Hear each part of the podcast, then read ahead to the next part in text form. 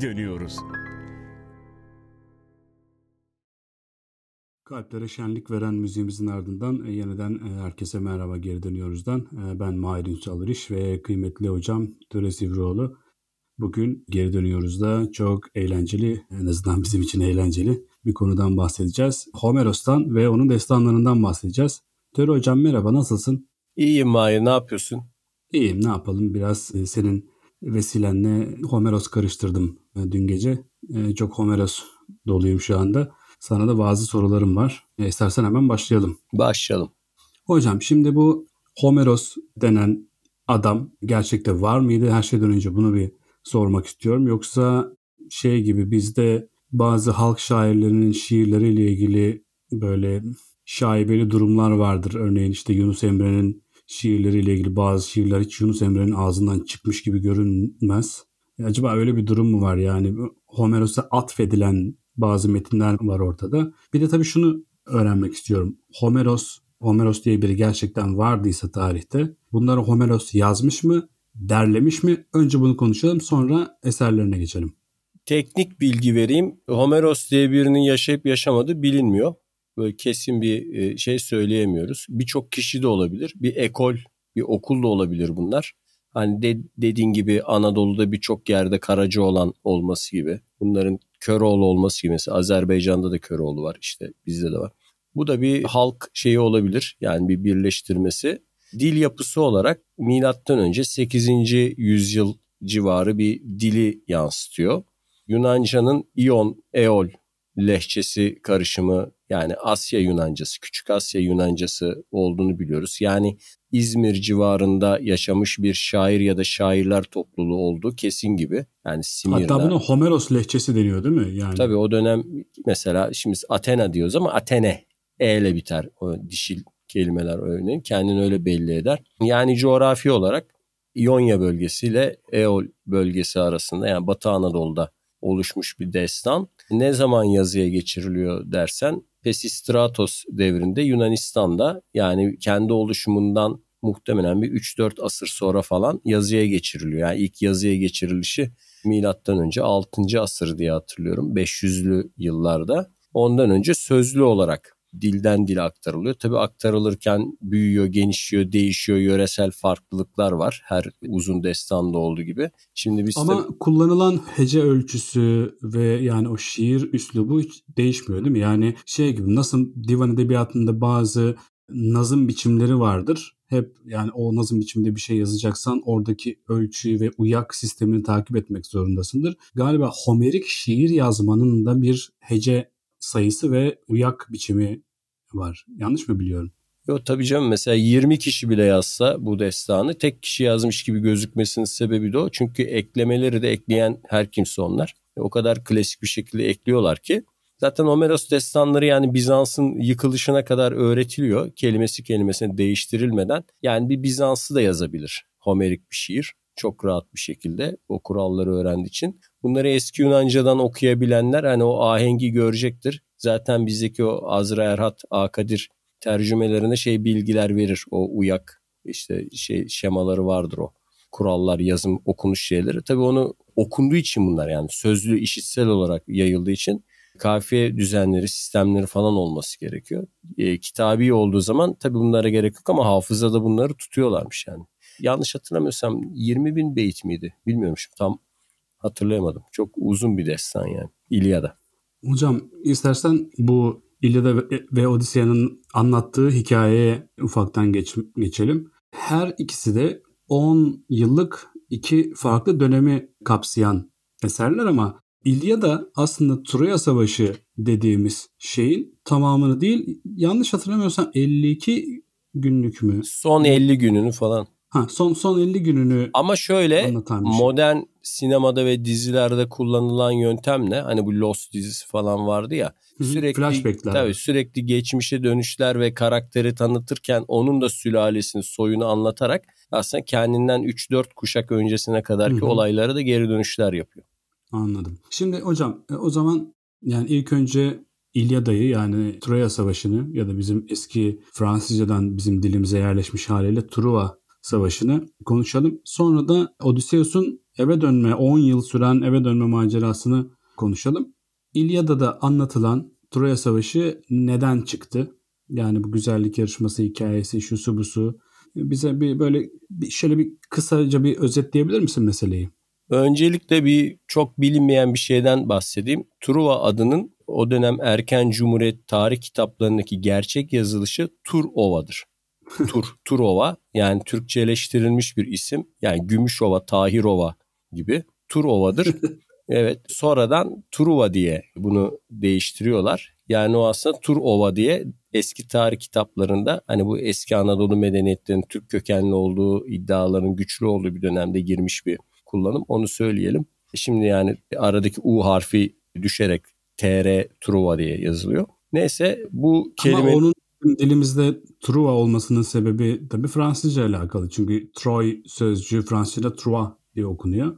Ya tabii şimdi ama hani onları da Türkçeleştirerek alıyorlar. Yani mesela Eti adı da yani neticede Etio İtalyancadan Hititlere Hı-hı. İtalyanların verdiği bir isimden türetme ama o da biraz daha Türkçeleştirilerek alınıyor. Türkçe anlamlar bulunarak alınıyor. O Cumhuriyet'in erken yıllarında biliyorsun. Yani Truva'da böyle geçiş hikayesi kelimenin yani Turova hatta o dönem işte Moskova, Varşova onların da ova kökenli olduğu iddia ediliyor. Yani bütün o eskiden Türklerin hani akınlar yaptıkları bölgelerle ilgili. E, Truva'da o dönem böyle yerleşmiş bir isim. Şimdi destan neyi anlatıyor? Çanakkale bölgesinde yerel bir krallık var. Yani Troya krallığı var. Bu krallığın bir aile işte yönetiyor. Bunlardan bir tane Priamos kralları var. Hekabe diye de bir kraliçe var. Bunların bir çocukları oluyor. Onun adını Paris koyuyorlar. Başka kaynakla aynı zamanda Aleksandros diye de geçer. İkisi aynı kişidir Paris ve Aleksandros. Fakat HKB rüyasına şey görüyor. Yani böyle karnından bir alev çıkıyor ve bütün Troya kenti yanıyor. Sonra kahinlere soruyorlar o dönemin geleneği üzere. Diyorlar ki senden doğan çocuk hani bu kentin yok olmasına sebep olacak. Onlar da Paris'i bir köylüye emanet ediyorlar ya da öldürsün diye işte bir şeye veriyorlar. Fakat Paris işte İda Dağı'nda yani Kaz Dağları'nda bir çobanın yanında büyüyor vesaire. Sonra üç tanrıça Paris'i ziyaret ediyorlar bir gün. Bir konuda hakemlik yapmasını istiyorlar. Bu konuda işte en güzel tanrıçanın kim olduğu ile ilgili dünyanın ilk bilinen güzellik yarışması diye geçen hani mitlerde bir güzellik yarışması. Kim bu üç tanrıça? Yunan mitolojisinin en önemli, en güçlü üç tanrıçası. İşte Hera, yani baş tanrının karısı, kız kardeşi ve karısı. Athena, işte savaş ve akıl tanrıçası ve Afrodit işte güzellik, aşk, dişilik tanrıçası. İşte hangisi en güzel diye Paris'e soruluyor. Bunlar tabii yarışmayı kazanabilmek için Paris'e kendilerince rüşvet veriyorlar. Mesela işte Asya'nın krallığını vaat ediyor Hera, işte öbürü zaferler vaat ediyor. Afrodit de dünyanın en güzel kadının aşkını vaat ediyor ve Paris doğal olarak her Anadolu erkeği gibi diyeyim yani gerçi genelleme yapmayayım ama genelleme yapmamak da mümkün değil bu durumda. Şeyi tercih ediyor yani romantik bir tipleme olarak yansıtılır Paris. E, zaten onun romantizmi işte kentin yok olmasına yol açıyor e, destan hikayesine ve Afrodite'yi seçiyor. Afrodit aslında en zayıf tanrıça. Yani ikisi şöyle düşün hani e, nasıl diyelim hiyerarşik olarak en güçlüsü tabii Hera ardından da Athena. Yani kariyerist bir tiplemeye yansıtsa Paris Hera'yı seçer ya da Athena'yı seçerdi ama o en zayıfı ama en duygusal, en romantik şeyi seçiyor ama destanda şöyle anlatıyorlar zaten. Afrodit üzerindeki elbiseyi işte kiton denen elbiseyi atıyor. Çırılçıplak kalıyor. Bütün güzelliğiyle işte Paris'i aklını çeliyor ve Paris biraz da onun güzelliğine aldanarak Afrodit'i seçiyor. Yani hile yapıyor diyelim Afrodit öyle diyelim. Ve neticede güzellik yarışmasını Afrodit kazanıyor. Diğer tanrıçalar da buna kızdıkları için yani Troya'yı lanetleme kararı alıyorlar. Çok kısa olarak bir gün Paris Yunanistan'a giriyor. Orada bu Kral Menelaos'un Sparta kralıydı galiba diyorum. Şimdi hatırlamıyorum nerenin kralı olduğunu. Argos muydu? Öyle bir şey olması lazım. Menelaos'un karısını görüyor. O da Helena'yı görüyor. Ve o da dünyanın en güzel kadını o dönem. Ve Afrodite'ye sözünü hatırlatıyor. O kadın da Paris'e aşık oluyor. Bu da ikisi kaçıyorlar Troya'ya. Helena'nın kaçırılmasından sonra bütün Yunan kralları bir araya geliyor. Yunanistan'daki krallar ve Helena'yı geri alma bahanesiyle Troya'ya sefer düzenliyorlar. Buna neden böyle oluyor? Çünkü Helena çok güzel olduğu için herkes onunla evlenmek istiyormuş. Babası da şey demiş kim Helena ile evlenirse evlensin diğer bütün damat adayları başına bir iş geldiği zaman bu kızın bir araya gelecekler diye bir söz alıyor. Yani Yunan birliğini temsil ediyor Helena bu arada. Ve gidiyorlar Troya'ya 10 yıl boyunca işte şeye göre destana göre alamıyorlar. İlyada destanı da bunun son 50 gününde çarpışmaların son 50 gününde başlıyor. Aslında İlyada hani arka plan tabii ki Troya savaşı ve Troya kenti ama aslında İlyada şeydir. Akileus'un öyküsüdür aslında. Yani bir kişi destanıdır. Yani neye benzetebiliriz? Mesela Star Wars aslında hani Darth Vader'ın hikayesidir ya. Yani o ailenin o kahraman aslında hikayesidir. Bu da aslında Akileus'un hikayesidir. Ona odaklanır ve onunla beraber de hikaye biter yani. Hocam, Savaşın sebebi sen, bu. Sen anlatırken ben şeyi hazırladım. İlyada'nın ilk cümlesini buldum orijinalini. Hocam diyor ki Menin aide thea peleidao achileos ulomenen hemuri achaios alga etheke. Tamam bunu alt yazı geçemeyeceğimiz için. e, dinleyin din, dinleyin Akileus şey o Peleus oğlu Akileus'un hikayesinin gibi bir şey olması lazım. Evet. Öyle hatırlıyorum. Yani ama şimdi 20 yıl sonra hatırlıyorum. Yani evet, evet. beni böyle şeylere zorluyorsun. Hafıza şeylerini sınavlarına sokuyorsun. Ama öyle bir şeyle başlıyor olması lazım. Yani bir kişinin hikayesi gibi başlıyor olması lazım. Söyleyin, söyle Tanrıça Peleus oğlu Achilleus'un evet. gazabını anlat. Tabii. Gibi o çevirisi varmış. Achilleus'a adanan bir hikaye aslında. Yani amaç orada Troya'yı anlatmak değil, Akileus'un. Akileus çünkü şöyle, Yunanların kahramanlık çağının son temsilcisi. Yarı tanrıların sonuncularından biri. Bundan önce, yani Akileus'tan önce birçok tanrı ve yarı tanrı var. Akileus bunların sonuncusu. Babası Peleus bir insan ama işte annesi Tetis bir su tanrıçası. Aslında hikaye şöyle, e, çok geçmişe uzanıyor. Prometheus biliyorsun Yunan mitolojisinin kahin titanı, geleceği gören. Zaten isminin anlamı Prometheus, önceden gören. Olayları önceden söyleyen demek Yunanca'da. Bir de bu sonradan söyleyen vardı galiba. Bunun kardeşi Epimetheus. O da geç kalan. Hani Ahmet Kaya'nın şarkısı vardı. Hep sonradan gelir aklım başıma. o işte o Epimetheus. Bu Prometheus. Şimdi Prometheus şunu biliyor. Mitolojiyle ilgili olanlar hatırlarlar. Yunan tanrıları sürekli nesilden nesile değişiyorlar. Hani başlangıçta Uranos vardı. Sonra işte onun yerini Kronos aldı. Sonra onun yerini Zeus aldı. E Zeus da bir gün yıkılacak. Yunan mitinin en güzel yanı budur. Yani diyalektiktir, değişime açıktır. Hani baştan sona her şeyi hakim olan bir tanrı yok Yunan mitlerinde. Zeus da bir gün yıkılacak ve onun yerine biri geçecek. Fakat kim geçecek? Bu bilinmiyor. Bunu sadece Prometheus biliyor. Yani Zeus'u ileride yıkacak olan kişinin kim olduğunu tek bilen Prometheus. Ve Zeus aslında insanlara ateşi verdiği için değil, bu doğacak çocuğun kim olduğunu öğrenmek için Prometheus'a işkence ediyor. Yani şimdi romantik yazında genelde işte sol edebiyatta falan ya da aydınlanmacı edebiyatta Prometheus şeydir ya insanları ilerlettiği için cezalandırılır. Aslında antik Yunan'da tam öyle değil. Onun asıl cezalandırılma sebebi Zeus'u devirecek kişinin kim olduğunu biliyor olması önceden ama Zeus'a söylememesi. İşte Kafkas dağlarına işte zincirleniyor. İşte her gün bir kartal geliyor ciğerini yiyor falan ve söylemiyor uzun süre. Bu Aeschylos'un zincire vurulmuş Prometheus adlı müthiş ölümsüz tragediyasını Hı. anlatılıyor. Bildiği sır şu Prometheus'un. Zeus'u devirecek çocuk Tetis'ten doğacak su tanrıçası Zeus'la birleşirse eğer Tetis çok büyük bir tanrı doğacak. Bunu en sona Prometheus söylüyor. Yani biz o kısmını pek anlatmayız hani şeylerde. Aslında teslim oluyor yani. Zeus'la anlaşma yoluna gidiyor. Bir şey koparıp affını isteyip ve Zeus bunu öğreniyor. Bunu öğrenince de hemen Tetis'i güçlü bir tanrı doğurmasın diye bir insanla evlendiriyorlar. Yani Peleus'la evlendiriyorlar. Bu yüzden işte Akileus yarı tanrı olarak doğuyor yarı tanrı olması olarak doğmasına rağmen bütün insanlardan güçlü. Bir de Zeus'un oğlu olarak doğsaydı işte o zaman kainatı yönetecek tanrı olacaktı. Buna rağmen en fazla işte büyük bir asker, büyük bir kahraman olarak yaşıyor. Bu güzellik yarışması hikayesi de zaten Peleus'la Tetis'in düğününde çıkan bir kavgadan dolayı ortaya çıkıyor. O üç tanrıçanın birbirine girmesi orada yaşanan bir tartışmadan Hocam bu. orada da bir elma metaforu vardı galiba. Var en güzel tanrıçaya diye bir elma. Orada bir Hı. şirret tanrıçası var bunların. Şimdi adını hatırlayamadım.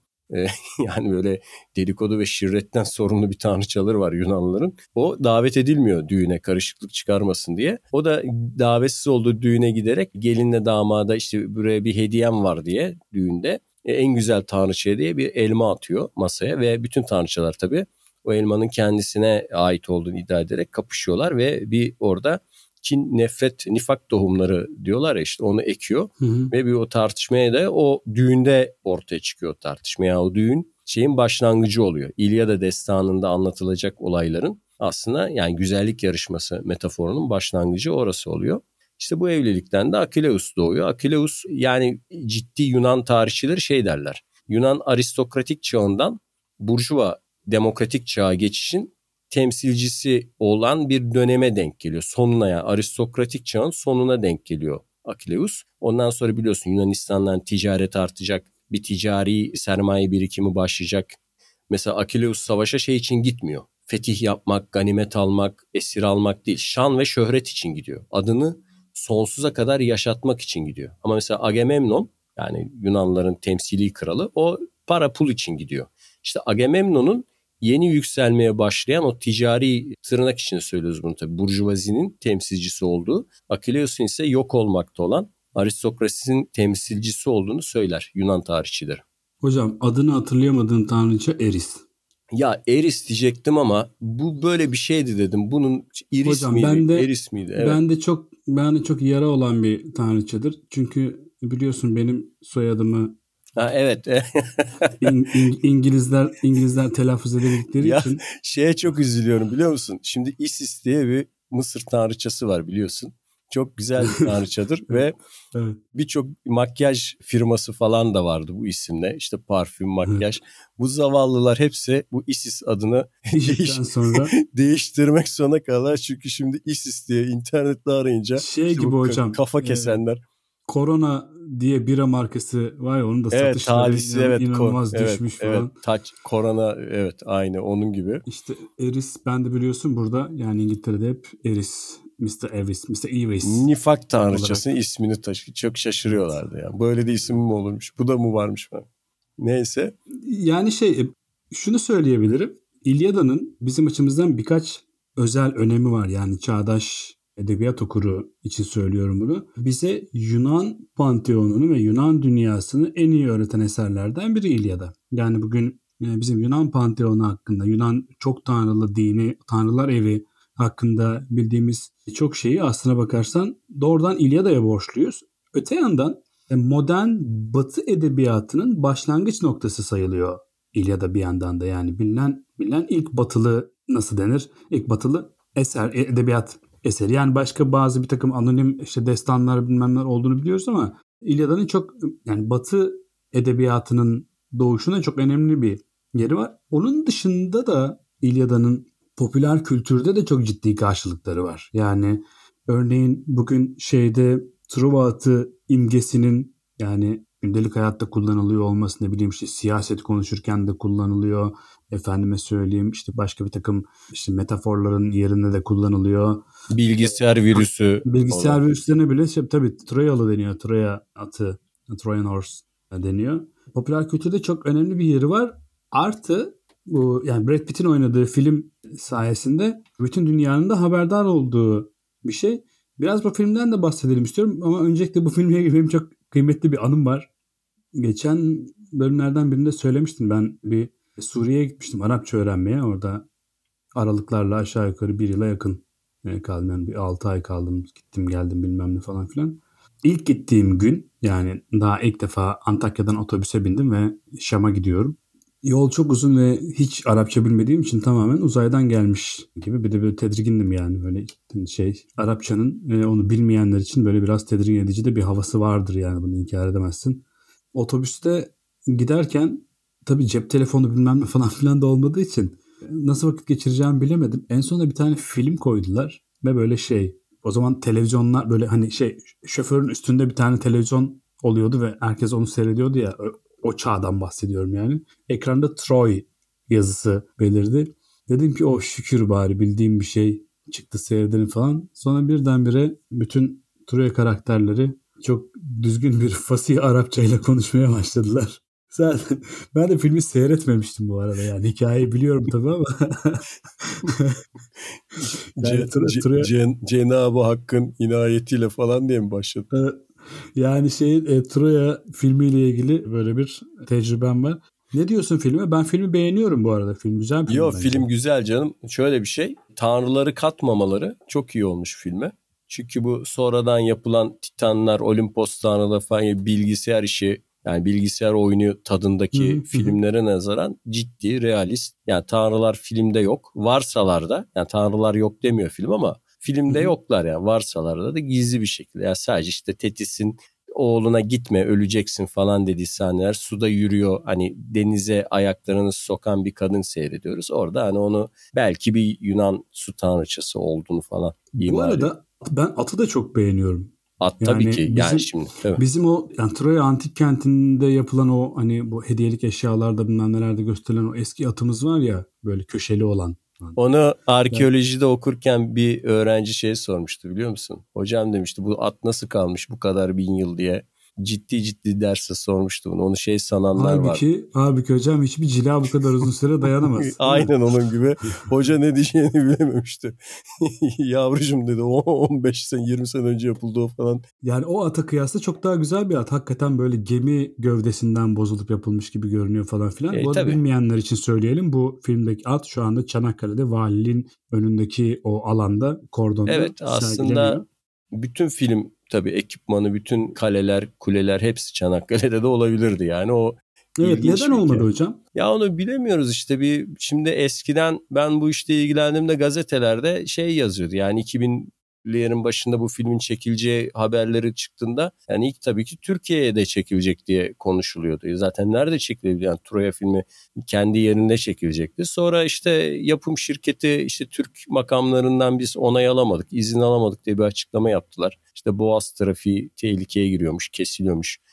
Tam tersi onlar da hayır işte film şirketi bize gerekli başvuruyu yapmadı. 6 aylık süre verdik işte cevap gelmedi. İki taraf da orada birbirini suçladı. Sonra ben merak ettim bunu internet arşivlerine falan baktım. O zamanlarda e, basılı gazetelerde okudum. Yani Troya filmi Türkiye'de çekilecekti ama ilgili makamlardan işte Kültür Bakanlığı mı artık ne işte Deniz Ulaştırma mı izin çıkmadı gibi haberleri göremedim.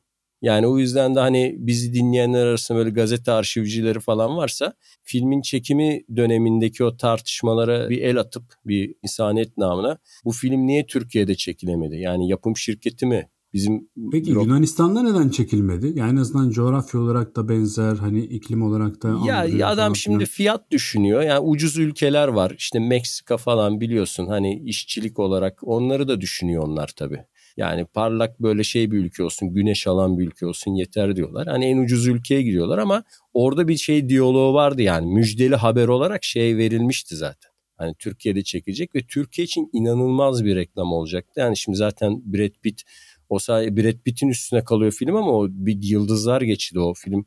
O Arabistan Lawrence'daki eleman orada Kral Priamos rolünde mesela. Hı hı. O hı. ihtiyar olan o Peter O'Toole müydü neydi adı? Ondan sonra işte o Yüzüklerin Efendisi kadrosu işte Orlando Bloom var, Eric Bana var. Ne bileyim şu sonra taht oyunlarında evet, galiba. Evet Şampiyonlar meşhur. Ligi ya. Tabii o muhteşem bir film. Ya o insanlar Çanakkale'de gezecekti, Aynalı Çarşı'da dolaşacaktı falan ve muazzam bir reklam olacaktı. Yani Türkiye'nin onu allem kullem edip ne yapıp zorla hatta gelin burada çekin diye protesto etmesi bile gerekirdi. Hani böyle şimdi herkes birbirini suçluyor ama orada büyük bir Hocam Ve... öyle bir şey olsaydı yani ülke tanıtımına katkısı bir tarafa benim rahmetli dedemin arsalar falan da hep değerlenirdi yani. ya muhakkak canım. Ya düşünsene şimdi o bir milyon kişi şeyi ziyaret ediyormuş.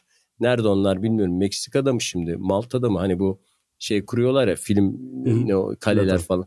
Onları şimdi yıllık inanılmaz sayıda turist ziyareti. Onlar şimdi Çanakkale'de olacaktı ve bayağı da inandırıcıydı. Filmin şöyle söyleyeyim sana bir e, arkeolog ve tarihçi gözüyle söylüyorum. Kılıçlar, kalkanlar falan çoğu güzel yani. Hani böyle abartılı değil çok. Kılıç genelde mesela bu tür şeylere çok dikkat etmezler. Biraz fazla zırh var.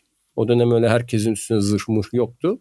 Ama yani film şeye büyük ölçüde uyuyor. Yani dönemin ruhuna hani şöyle yapmış. Mesela mitolojide şey hatırlarsın. Tetis Akileus doğduğu zaman ölümsüz olması için, yara almaması için onu Styx ırmağında hani şey yapıyor. Yıkıyor bebekken.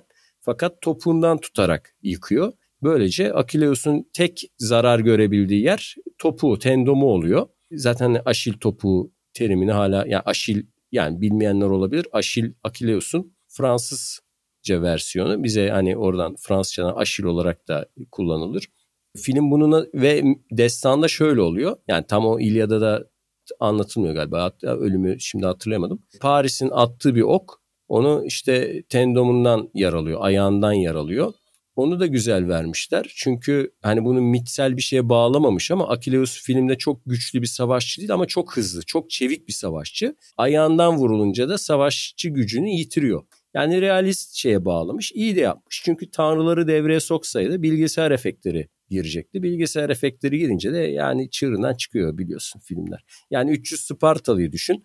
Onun bir bizim çocukluğumuzdaki versiyonu vardır. O ne kadar duru, sade şey bir filmdi. Yani bir de ondan sonra yapılan artık bilgisayar oyunu mu diyeyim, film mi diyeyim, o gergedanların üstünde falan garip garip bir şeyler. E bir de o versiyon var. Yani o yüzden o bence iyi bir karar almışlar diyebilirim yani. İki magazin popüler kültür sorusu soracağım. Birincisi Mustafa Kemal'in Çanakkale Savaşı'ndan sonra Troya'nın intikamını aldık dediği doğru mu? Onu bilmiyorum ama yani demiş de olabilir çünkü Anadolu tarihine meraklı biriydi ve neticede hani Yunanlılarla... Konuya da hakim biriydi. Tabii tabii o yani bilgi sahibiydi bunlar. Zaten bunu şeyler çevriliyordu yani bunlar Fransızca da bildikleri için hani daha Türkçe'ye tam olarak onu bir kere konuşmuştuk galiba işte Ömer Seyfettin evet, çevirileri evet. falan var. Evet, ee, ama onlar zaten gerek yok onlar e, Fransız Hocam kaynak. ben Atatürk'ün okuduğu kitaplar projesinde çalışmıştım e, Anıtkabir Komutanlığı'nın yürüttüğü hatırlarsın belki o yılları. Hı hı. Orada Atatürk'ün okuduğu kitaplar arasında işte İngilizce, Fransızca, Almanca, e, kitaplar vardı ve çok ilginç bir şekilde mesela Almanca kitapları okurken e, kenarlara Almanca notlar almış. Mesela Fransızca kitapları okurken kenarına Fransızca notlar almış. Yani e, galiba şey de dile de meraklıydı yani hani. Dile meraklı olmaz hocam. Olmasa... Türk Dil Kurumu'nu kurup e, oradaki teorilerle bir Tabii, zat doğru. ilgilenen biri yani. Zaten bulduğu kelimelerin çoğu bak üçgen işte kare bunları kullanıyoruz. Şimdi onların çoğu Atatürk buldu. Yoksa müsellesi müsavayı adla deyip duruyorduk. Kaimi zaviye deyip duruyorduk. Yani güzel geliyor kulağa ama yani şimdi 9 yaşında Hocam şey, çocuk. Şey vardır hatırlıyor musun? Şey gibi ne o şey dua gibi bir müsellesin satı irtifaının kaidesine keratının nısfına müsavidir. Tabii canım bir, bir yani müsellesin. Bir üçgenin satı bir üçgenin alanı uzun kenarın yüksekliğe çarpımının yarısına eşittir. Bir müsellesin işte ne diyordu zaviyeyi mecmumu işte bilmem nedir falan filan bunlarla 7-8 yaşındaki çocuklar bunlarla uğraşıp duracaklardı yani kaimi zaviye falan gibi saygıyla dinleyeceklerdi. Belki de matematik derslerini o zaman saygıyla dinliyor. Yani Borçları hukuku dinler gibi. yani üçgen falan deyince ciddiye almıyorlar da böyle müsellesi müsavayı adlar falan deyince böyle bir ayak Hocam kalkıp bir diğer şey daha sormak istiyorum ama biz galiba bugün şey Odise'ye geçemeyeceğiz ya. Sen, Çünkü ben de sanmıyorum. Bu İlyada günü olsun bu. Süremizi aşacağız gibi. Bugün İlyada konuşalım. Ee, bir diğer sorum şu olacak. Biraz Şiliman'dan bahsedelim. Çünkü Şiliman çok önemli Troya mevzusu konuşulduğunda. Birisi e, Şiliman'ın çok yani karakter olarak çok ilginç bir karakter olduğunu biliyoruz. Onun da böyle 20'ye yakın dili böyle neredeyse ana dil düzeyinde konuştuğunu falan söylüyorlar. Çok hızlı dili öğrenirmiş hocam. Yani gerçekten böyle işte bir yere gider ve böyle 3 ayda falan o insanlarla konuşa konuşa deli gibi dil öğrenirmiş. E, kafası çok çalışırmış bu işlere. Tarihi çok meraklıymış. Arkeolojiye çok meraklıymış ve Şiliman çocukmuş. Şey, babası ona ailesi ne olacaksın büyüyünce diye sormuşlar. 7-8 yaşındaymış. Ben Troya'yı bulacağım demiş küçükken. Nitekim bulmuşlar. Yani, ya aile herkes yani, gülmüş. Gülmüş. Yani böyle herkes eğlenmiş. Şöyle bir şey hocam biz biz öğrenciyiz. Bize bir Troya belgesi seyrettiriyorlar. Daha birinci sınıftayız. Böyle bizi dil tarihinin büyük amfileri vardır. E işte bu Ekrem Akurgalların, efendime söyleyeyim Behice Boranları, şunların bunların e, dersler verdiği şeyler, amfiler. Onlardan bir tanesini doldurdular. Bize bir Troya filmi seyrettirdiler. Anlatıcı da şey anlatıyor. Çok tutkulu bir adamdı Şiliman diyor. Hemen diyor şey bu işte büyük hazineyi bulduğunda, Priamos hazinesini bulduğunda hemen oracıkta karısıyla aşk yaptı falan. Yani tabii bizde bir sınıf dolusu ergen orada sadece böyle bir şey coştuk moştuk öğretmenler de hiç beklemiyorlardı böyle bir şey falan. Karısıyla Troya harabeleri arasında seks yapan bir Şiliman imgesi gözümün önünden gitmiyor açıkçası. Yani en çok bu yan, bu yanıyla takdir görmesine şaşırmışlardır yani. ya yani doğrusu söylemek gerekirse ne zaman işte bu Priamos hazinesi işte efendime söyleyeyim Troya meselesi konuşulsa hep o Şiliman'ı öyle don paça harabelerin arasında falan bir gözünde canlandırırım. Yani bu arada Troya hazinesi demişken bir gün umarım e, fırsatımız olur da e, Melart'ın hayatını karartan şu e, sahte hazine hikayesini de konuşuruz. Ama şey bugün Troya hazinesi üzerinde dört ülke hak iddia ediyor. Yanlış mı biliyorum? Bunlardan biri Türkiye. Bizim topraklarımızdan çıktığı için bunlar bizim diyor. Yunanlılar bunlar bizim mirasımızdır deyip hak iddia ediyorlar. Almanlar bunu bir Alman buldu ve buraya getirdi dediği için iddia ediyor. Ruslar da hazine yok ki deyip e, hazinenin üstüne yattılar 2. Dünya Savaşı'ndan sonra. Hitler eritti onları dediler. Evet, Hitler eritti onları. Nerede şimdi hazine hocam? Hazine parça parça yerde. Bazısı bir kısmı hala Almanya'da. Çok bir bölümü de Sovyetler Birliği'ne götürüldü. Ama dediğin gibi yani bildiğim kadarıyla şey açık değil. Hani hmm. sergiye falan Ermitaj Müzesi'nde mi artık hangi şeyde şöyle oluyor. Hani Osmanlı Devleti zaten bu işlere çok meraklı bir şey değildi. Yani eski eserleri koruma kanunları çok geç geldi. Çok az aydın kişi Osman Hamdi Bey gibi, Teodor Makridi Bey gibi bunları korumak için uğraştılar. Yani padişahların çoğu için bunlar uluslararası anlaşmalarda çeşitli rant şeyler koparmak için anlaşılan ülkelere hediye ediliyordu zaten resmi olarak. Ya Mehmet Ali Paşa bile Mısır'da bir sürü dikili taş hediye etmiş oraya buraya. İşte o 3. Napolyon'a falan filan hani dostluk Tabii anlaşma. bu Avrupa'da bulunan evet. dikili taşlar falan o yani şimdi biz burada bir kaçırıldı bunlar işte kahrolsun batı emperyalizmi falan gibi slogan atıp heyecana gelebiliriz ama gerçek öyle değil. Bunların çoğu çeşitli anlaşmalarla götürülüyor. Yoksa Bergama Zeus altarını adam nasıl cebine koyup da mı götürdü yani? Onlar gemilerle parça parça koskoca yapılar. Almanya ile bir şey imzalıyorsun bir ittifak imza anlaşması ya da bir demiryolu anlaşması. Adam diyor ki ya bana bunları da ver diyor yanında diyor. Al senin olsun. Yani Cenk Koray'ın şeyi vardı ya biz çocukken yanında bir de ütü vereyim falan diye bir yarışması vardı. Onun gibi yani. O biraz, de... biraz da Troya hazinesi almaz mısınız? yani işte değersiz yani. Ta, memlekette taştan bol ne var hani sözü. Tabii hocam yani... şimdi Osman Hamdi Bey'in yani bu Asar Atika nizamnamesini düzenlemesine kadar altın haricinde her şeyi götürmek zaten serbest. Altın da devlet tarafından el konuyor. O da işte dediğin gibi böyle çeşitli anlaşmalarla işte böyle iyi niyet göstergesi olarak sağa sola hediye ediliyor ama onun dışında yani böyle tapınak götürecek kadar böyle hani böyle kamyonlara, kalyonlara yükleyip tapınak götürecek kadar şey hani böyle gemiyle falan gemiler batıyor tabii, yükten. Tabii, tabii. Batan gemiler var yani taşıyamıyor. Gemi batıyor. Şimdi biz mesela öğrenciyken ya bu, Zeus... Şunu demeye çalışıyorum çok pardon. Bu bir gece böyle gizlice evet. sahilden gemilere doldurup götürülmüş şeyler değil bunlar. Yani. Güpe, ya ben de bir hatıra anlatayım o zaman. Öğrenciyiz. Hani Zeus altarının geri getirilmesine dair bir imza kampanyası vardı. Ben imza atmadım. Sınıfta tek imza atmayan bendim. Hocalar bana da kızdılar. Yani siz ne biçim arkeoloji öğrencisiniz, arkeolog adayısınız. Yani nasıl imza atmasın? E hocam dedim bu kaçırılma falan değil ki. O dönem işte demiryolu anlaşmalarıyla sen bunu sahiplenmeyip vermişsin. Hani bu bir cebine koydu götürdü gibi bir şey değil. Yalnız Troya hazineleri yani Priamos hazineleri diye biliniyor. Tabii Priamos'un olup olmadığını bilmiyoruz. O şey katmandan mı çıktı? Yakıştırma evet. E, çünkü Şiliman'ın kazısı pek bilimsel olmadığı için ya böyle suçlamak da saçma aslında. Yani şimdi Şiliman'ın döneminde zaten o bilim yoktu o ki. Metot da yoktu tabii. Ya öyle bir şey yoktu. Bir insanı henüz var olmamış bir bilimin disiplinin kurallarına uymamakla suçlamak yani böyle bir anakronizme gitmek de çok saçma. Yani 1870'li yıllardan bahsediyoruz. E, Şiliman'ın tabii ki kazısı kötü bir kazı, bilimsel bir kazı değil. Şeye odaklı, hazine avcılığına odaklı. Yani Hatta biraz sondaj demek daha doğru herhalde. E tabii yani Indiana Jones tipi bir. O Indiana Jones filmlerini izlemişsen hani izlemişsindir mutlaka. O da öyledir yani. Alır, kaçar, söker, yani hırsız gibi bir şeydir yani aslında inanıcı olsa hani arkeolog diye anlatılıyor ama değil yani defineci gibi bir şey. Neyse ama o dönem böyle bir şey de yok zaten. Hani Şiliman'ın zamanında daha böyle bir şey yok. Dediğin gibi hani değerli madenleri diyor bize bildireceksin falan bildirmemiş. Karısının mücevheratı arasına sıkıştırıp hani şey yapmış hakikaten hani kaçırma anlamında kaçırmış. O açıdan hani Osmanlı Devleti'nin kendince haklı. Yani bunun mirasçısı olarak da Türkiye Cumhuriyeti'nin haklılık şeyi var. E, Yunanlıların pek konuyla ilgisi yok. Onlar niye arada çıkıyorlar, gözüküyorlar onu hiç bilmiyorum. Hani o Troya'dan götürebildiğini zaten dedeleri götürmüştü. Hani onlar kalanlar yani o açıdan. Bir de hani mesela geçen programlardan birinde ben şey dedim. Hani Troyalı Menelaos'un karısı Helena'yı şey kaçırıyor Paris yani netice bir Troyalı bir kadın kaçırıyor ama buna mukabil Yunanlar destana göre Troya'dan binlerce kadın kaçırıyorlar. Hani bir kadın kaçırma hmm. şeyleri falan konuşmuştuk ya antik çağdaki o doğu batı medeniyeti karşılaştırmalarında bütün Troyalı kadınları kaçırıyorlar. Troyalı kadınlar diye hatta oyunlar falan var. Evet evet. Hector'un karısı Andromake, işte o geleceği gören Cassandra, kahin Cassandra onların hepsi köle oluyor.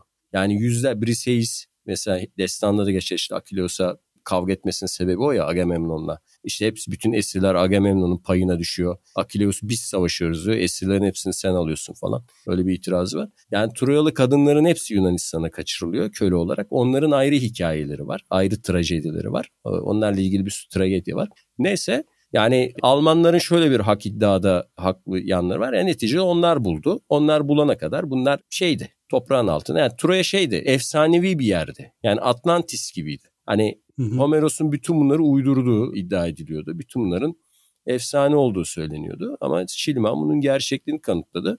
Almanlar 2. Dünya Savaşı sırasında bütün o hengamede bu hazinenin bombardımanlardan korunması için ellerinden gelen her şeyi yapmışlar. Yani o Dresden bombardımanı falan biliyorsun mahvediyorlar yani o kentleri müttefikler. Hı. Yani hep Almanların yaptığı katliamlara odaklanan 2. Dünya Savaşı meraklarına duyurulur. Yani Almanlara yapılan o bombardımanda sivil kayıpları hiç film konusu olmuyor. Sovyetler de yani Kızıl Ordu işte bunları Hitler eritecekti, yok edecekti. Biz son anda geldik, kurtardık. Bu da bizim hakkımızdır gibi bir savunma içindeler. O yüzden o dediğin gibi dört ülke arasında bir hukuki kavganın şey olarak devam ediyor bu iş.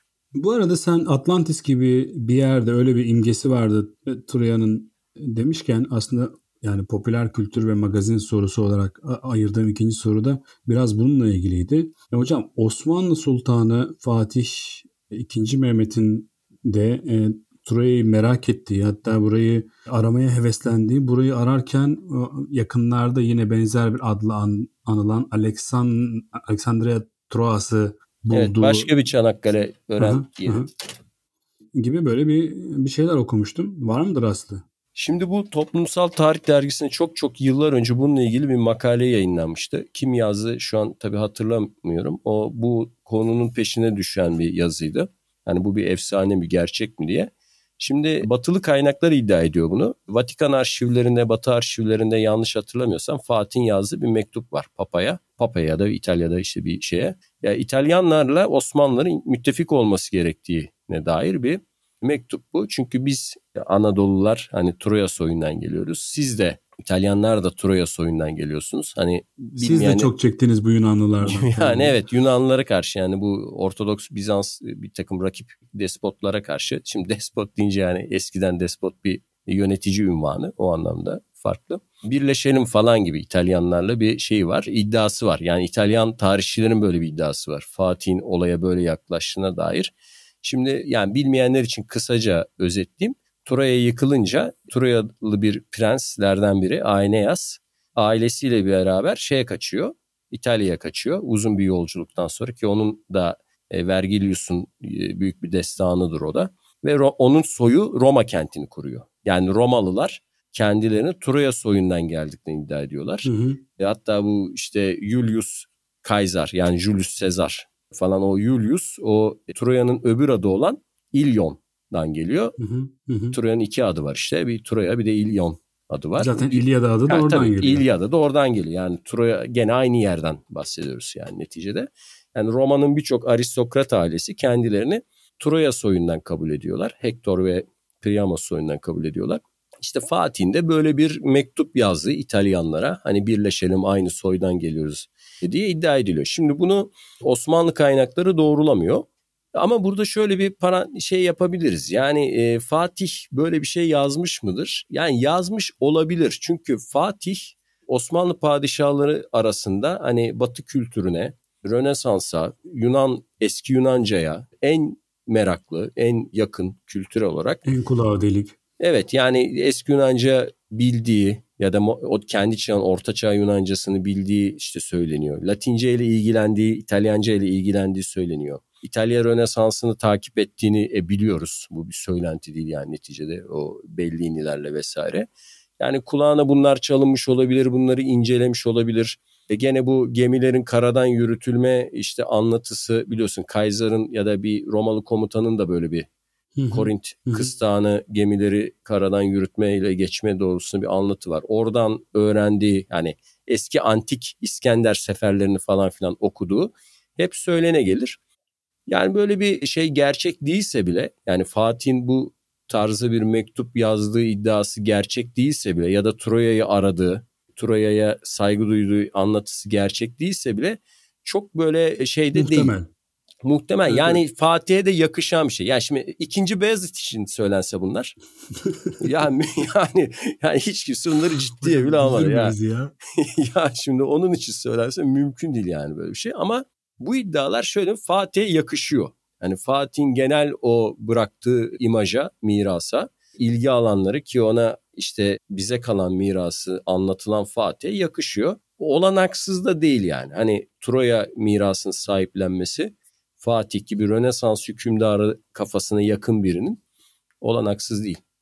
Hocam son bir bilgi vererek bitirmek istiyorum. Bu arada e, Troya bir e, deniz savaşı daha doğrusu denizden gelen bir akınla yıkılıyor ama bugünkü Troya maalesef deniz kenarında değil. E, bunun sebebi bölgenin işte alüvyonlarla dolmuş olması ve Troya'nın içinde içeride kalması. Zaten Troya'nın bu görkemli çağından sonra yaklaşık bin yıl boyunca hiç iskan görmemesinin yani katmanlar arasında bin yıllık bir boşluk olmasının sebebi de deniz kenarından içeride kaldığı için bu popülerliğini kaybetmesi. Bununla birlikte şöyle bir bilgi vererek artık toparlamak istiyorum. Bütün bu anlatıların şöyle bir tarafı da olabilir diye yani böyle bir pencere açmak istiyorum. Bu daha önce konuştuk mu hatırlamıyorum.